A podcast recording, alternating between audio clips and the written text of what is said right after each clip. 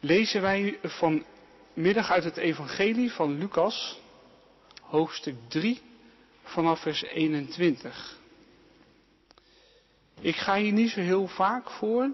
Um, iedereen heeft zo zijn eigen aardigheden, zijn eigen aan, uh, gebruiksaanwijzingen. En ik heb er ook in ieder geval één. En uh,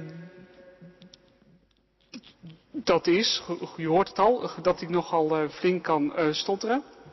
Als dat gebeurt, gewoon rustig blijven ademhalen. Dat zal ik ook gaan proberen in zo'n situatie. En dan samen met Gods hulp en uw uithoudingsvermogen, goed zal het vast goed komen. Lucas 3 vanaf vers 21. Heel het volk liet zich dopen en toen ook Jezus was gedoopt en hij aan het bidden was, werd de hemel geopend en daalde de Heilige Geest in de gedaante van een duif op hem neer. Goed, en er klonk een stem uit de hemel. Jij bent mijn geliefde zoon, in jou vind ik vreugde. Jezus begon zijn verkondiging toen hij ongeveer 30 jaar was. Hij was, zoals algemeen aangenomen werd, de zoon van Jozef, die de zoon was van Eli, de zoon van Mattat, de zoon van Levi, de zoon van Melchi, de zoon van Jannai, de zoon van Jozef, de zoon van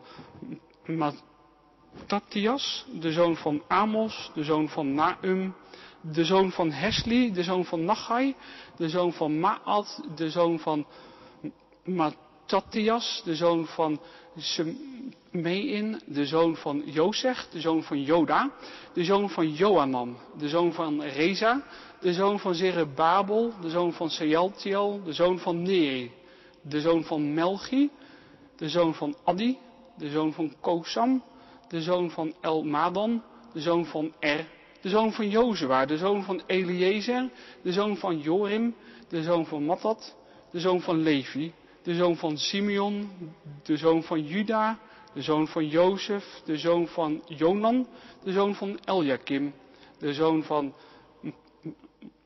Melea, de zoon van Menna, de zoon van Matata, de zoon van Nathan, de zoon van David, de zoon van Isai, de zoon van Obed, de zoon van Boas, de zoon van Selach, de zoon van Nachson, de zoon van Aminadab, de zoon van Admin, de zoon van Arni, de zoon van Gesron, de zoon van Peres, de zoon van Juda, de zoon van Jacob, de zoon van Isaac, de zoon van Abram, de zoon van Terach, de zoon van Nachor, de zoon van Serug, de zoon van Reu, de zoon van Peleg, de zoon van Eber, de zoon van Selach, de zoon van Kenan, de zoon van Arpachsad, de zoon van Sem, de zoon van Noach, de zoon van Lamech, de zoon van Methuselah, de zoon van Henoch, de zoon van Jered, de zoon van Maha, Lalel, de zoon van Kenan, de zoon van Enos, de zoon van Set, de zoon van Adam,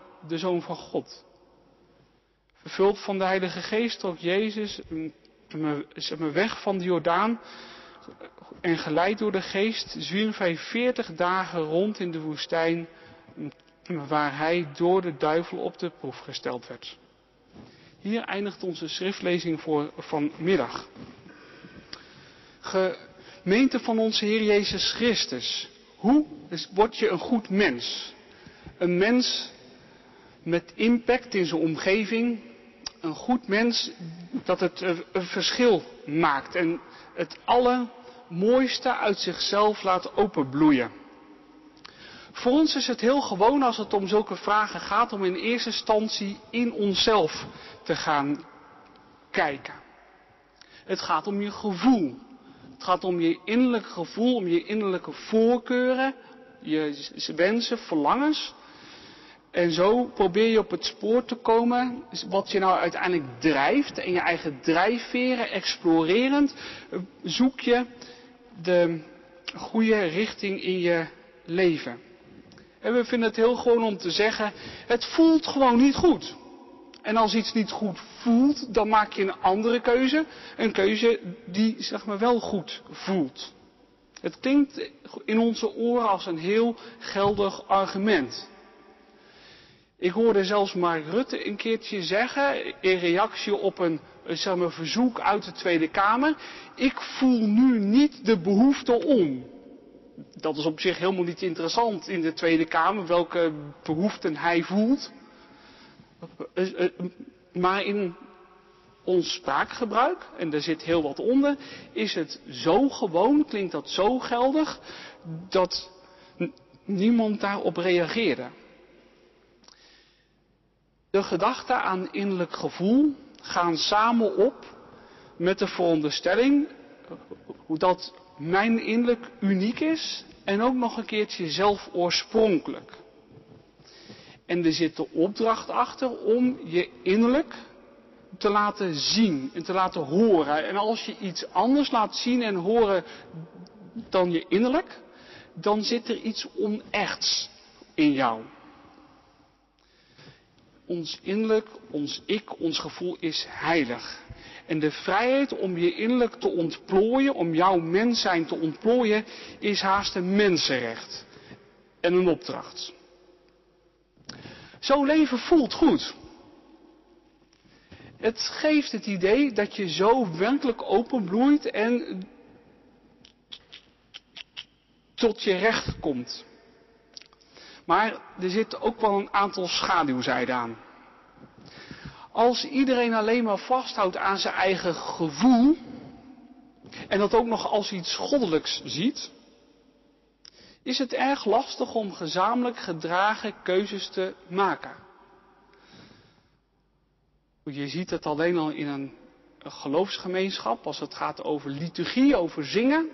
Ja, maar dit voelt voor mij echt heel goed. En als ik dat zo niet zing, dan heb ik geen goede zeg maar, viering gehad. En een ander die voelt wat anders. En om dan samen gemeente te zijn is al ingewikkeld als je niet samen erkent dat er iets hogers is, iets, iets, iets groters, iets met meer gewicht dan alleen ons eigen gevoel. Het is lastig om samen te leven als het alleen maar aankomt op je eigen gevoel. Er zit ook nog een andere schaduwzijde aan. Het is namelijk voor mens zijn, voor ons als mensen, heel erg lastig om vol te houden dat je je mens zijn, je zelfverwerkelijking helemaal vanuit je eigen ik moet vormgeven, zonder dat er enig kader is om je aan te spiegelen, zonder dat daar een raamwerkje is om je aan vast te klampen, om iets van leefregels te hebben, iets, eh, zeg maar, dat je helpt in jouw zelfontplooiing. En het blijkt heel erg zwaar te zijn om zonder zo'n raamwerk, zo'n kader, jezelf te moeten ver, zeg maar, wezenlijken. Alleen al omdat er in zo'n um, zeg maar, manier van zelfverstaan niemand is eh, met het gezag om te zeggen, en het is nu ook goed. Het is zo helemaal goed. Het is goed zoals het nu is.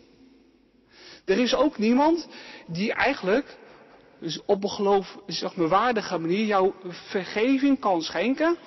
Als het niet goed gaat, vanwege het feit dat je eigenlijk alleen maar verantwoording aflegt aan je eigen gevoel.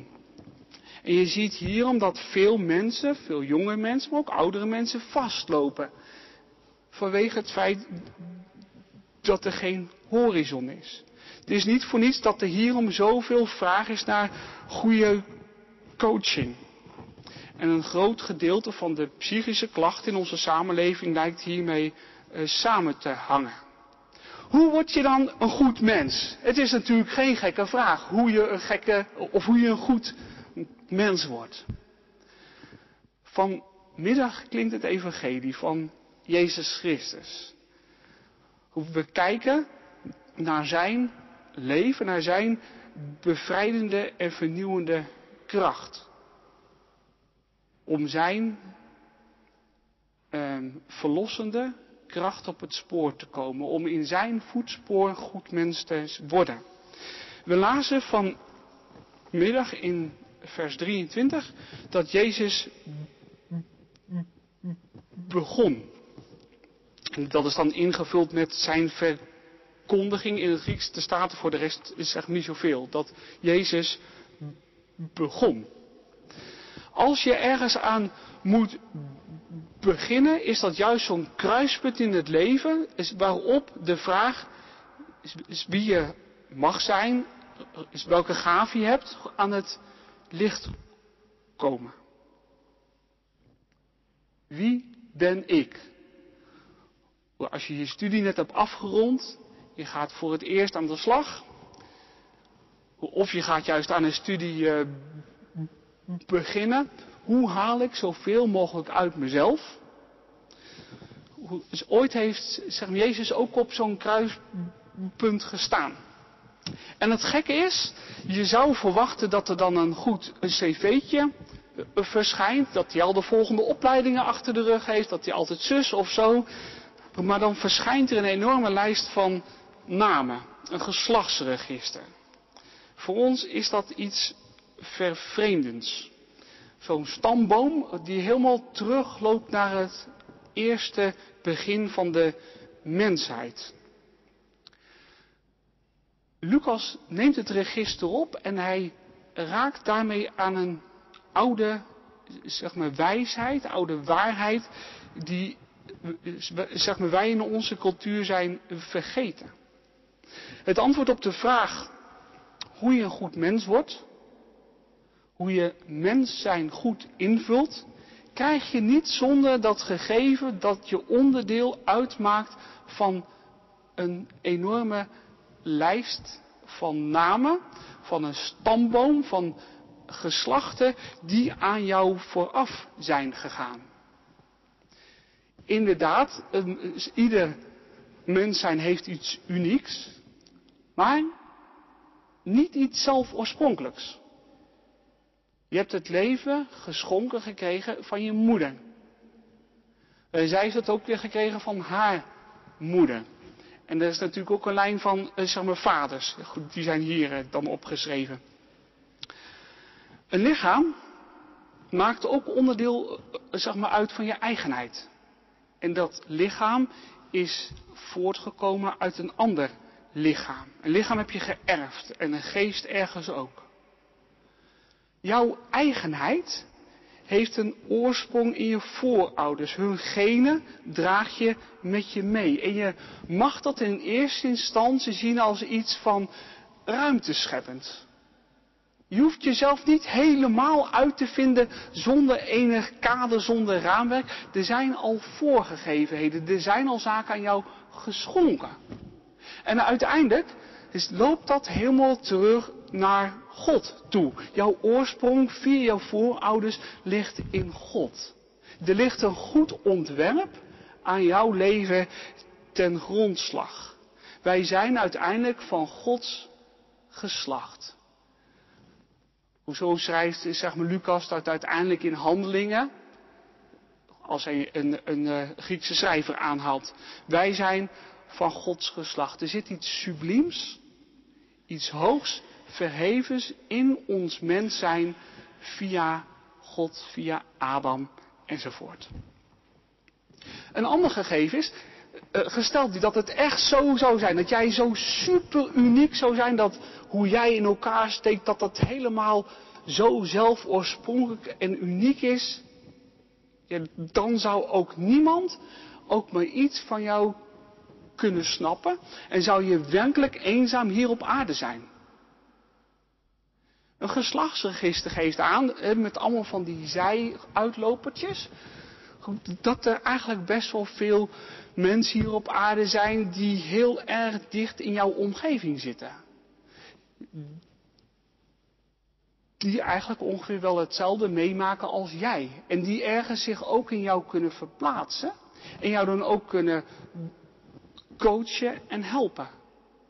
En trouwens ook andersom. En als het dan gaat over zingeving, er zijn zeg maar weinig zaken die je leven zoveel kleur geven als het kunnen helpen van iemand anders. als het naast iemand anders gaan staan, je in een ander verplaatsen. En als die ander zich in jou verplaatst, geeft dat een heel eigen rijkdom. En al die lessen, die zeg maar, wijsheden zitten ergens in zo'n geslachtsregister. Maar er zit ook gelijk die schaduwzijde. Zo'n stamboom brengt ons ook in de kern van het probleem. Vastzitten aan een lichaam dat zijn oorsprong heeft in voorouders, brengt ook genetische afwijkingen met zich mee, erfelijke ziekte. En mag een lichaam,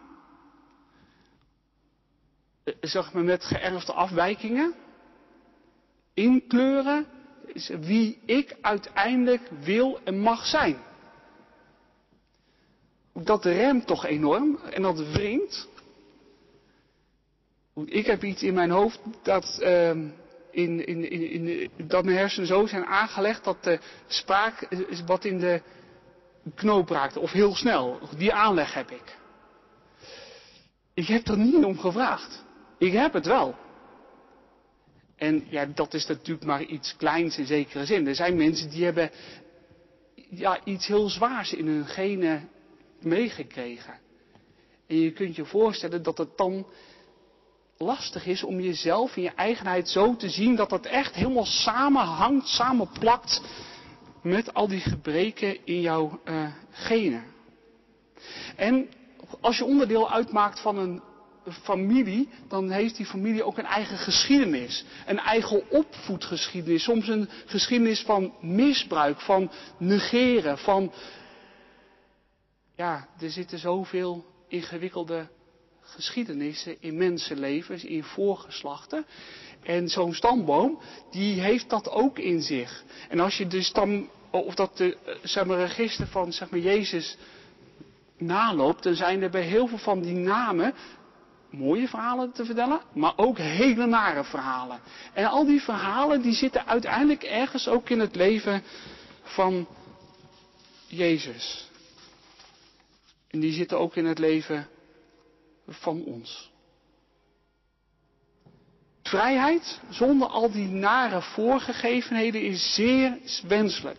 Het heeft ook inderdaad iets te maken met een gegeven dat wij van Gods geslacht zijn. Geen slaven, maar vrije mensen. Kinderen, zonen, dochters van God. En dat innerlijk, in ons, dat hebben we ook juist van God gekregen. Het is ergens ook juist de afspiegeling van God zelf. Zijn vermogen om lief te hebben. Zijn vermogen om um, te scheppen. Zijn vermogen om muziek te maken. Zijn creativiteit heeft hij ook in ons gelegd. Zijn spraakvermogen, zijn zangvermogen, zijn vrolijkheid. Ergens resoneert het allemaal in ons innerlijk.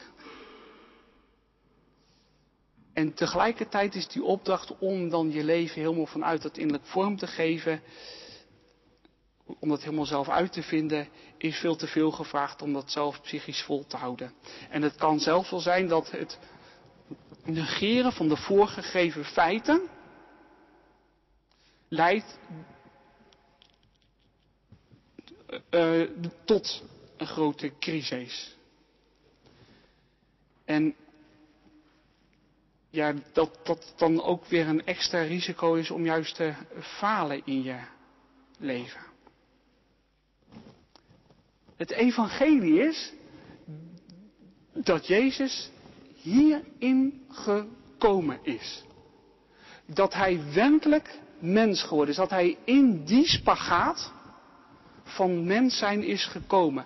Hij kiest ervoor om solidair te zijn met mensen in hun gebrekkigheid. Dat evangelie, dat, zeg maar, dat uh, klinkt onder andere in vers 21. Goed, dat Jezus aansluit in die rij van mensen die zeg maar aanvoelen van ik heb een nieuwe start nodig. Uh, mijn leven is smoetsig, er zitten vlekken op en ik krijg het zelf niet schoon. En ik heb gehoord dat zeg maar, Johannes een clean sheet geeft. Ik ga erheen en Jezus is in die lange rij van mensen gaan staan om zich ook schoon te laten wassen, net als zij. Maar het is meer dan alleen een keuze.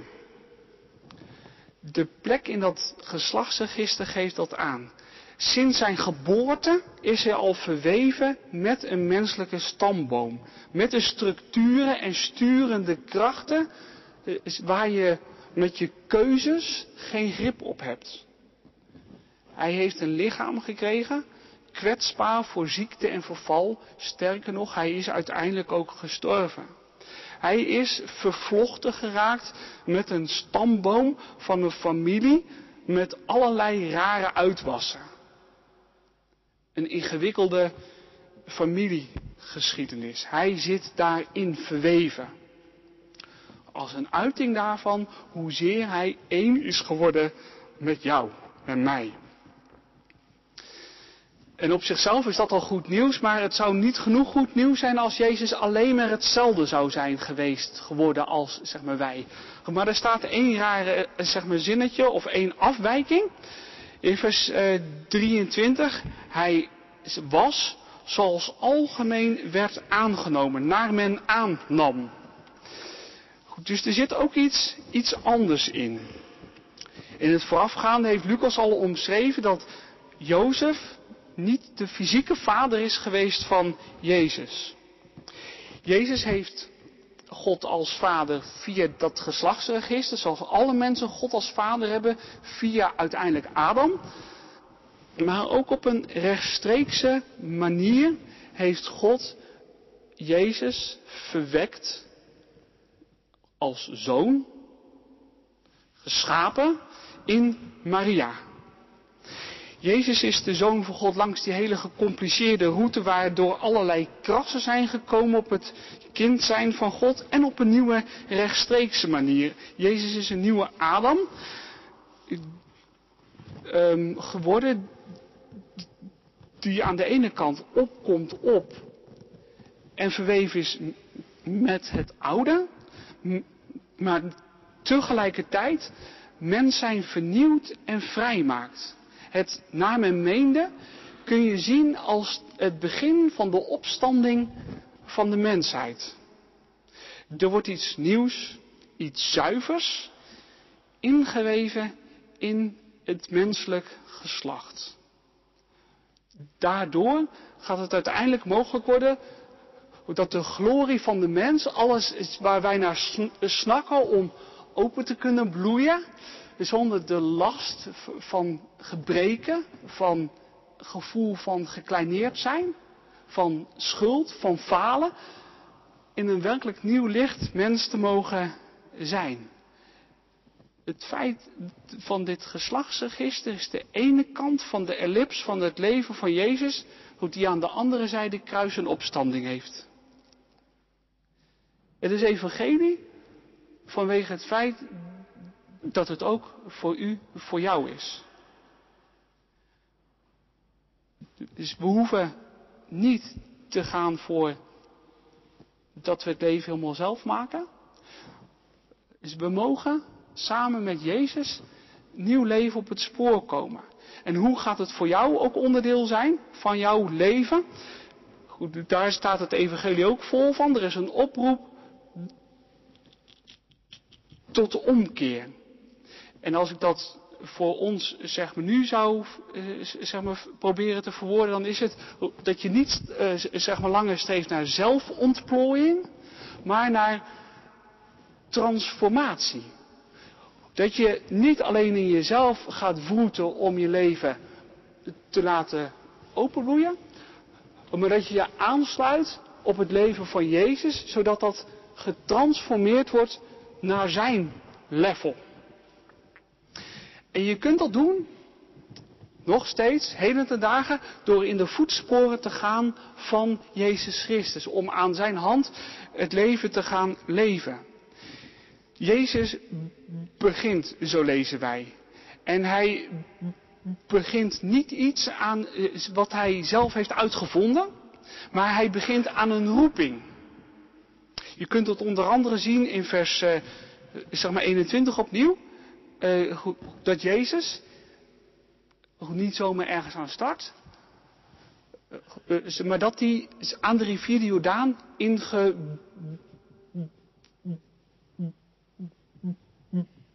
is. Jezus is in gebed. En um, daarin zit iets in van dat hij zich afhankelijk weet van God.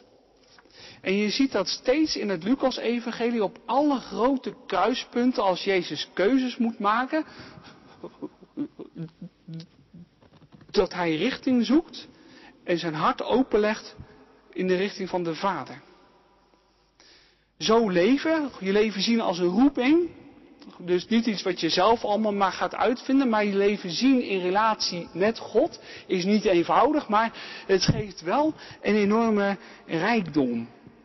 Het is uiteindelijk denk ik de enige manier om je leven zinvol te leven. God is immers de oorsprong van je leven.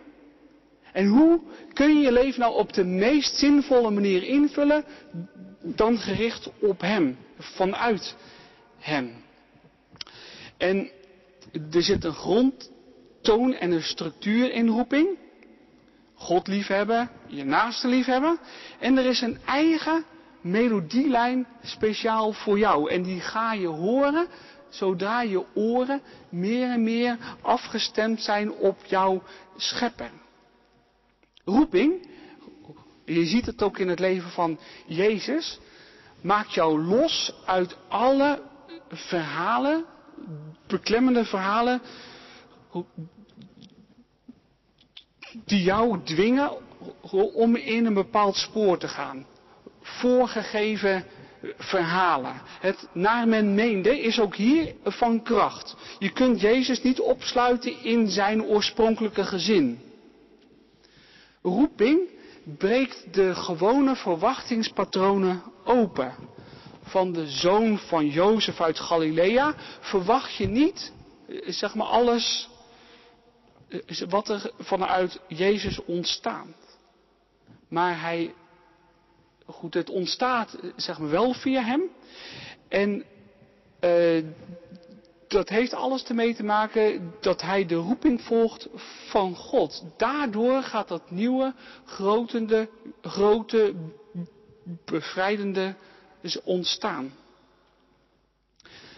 Het leidt er uiteindelijk toe dat het heil kan verder stromen in de richting van alle zeg maar, volken. En Jezus had natuurlijk een hele hoge roeping.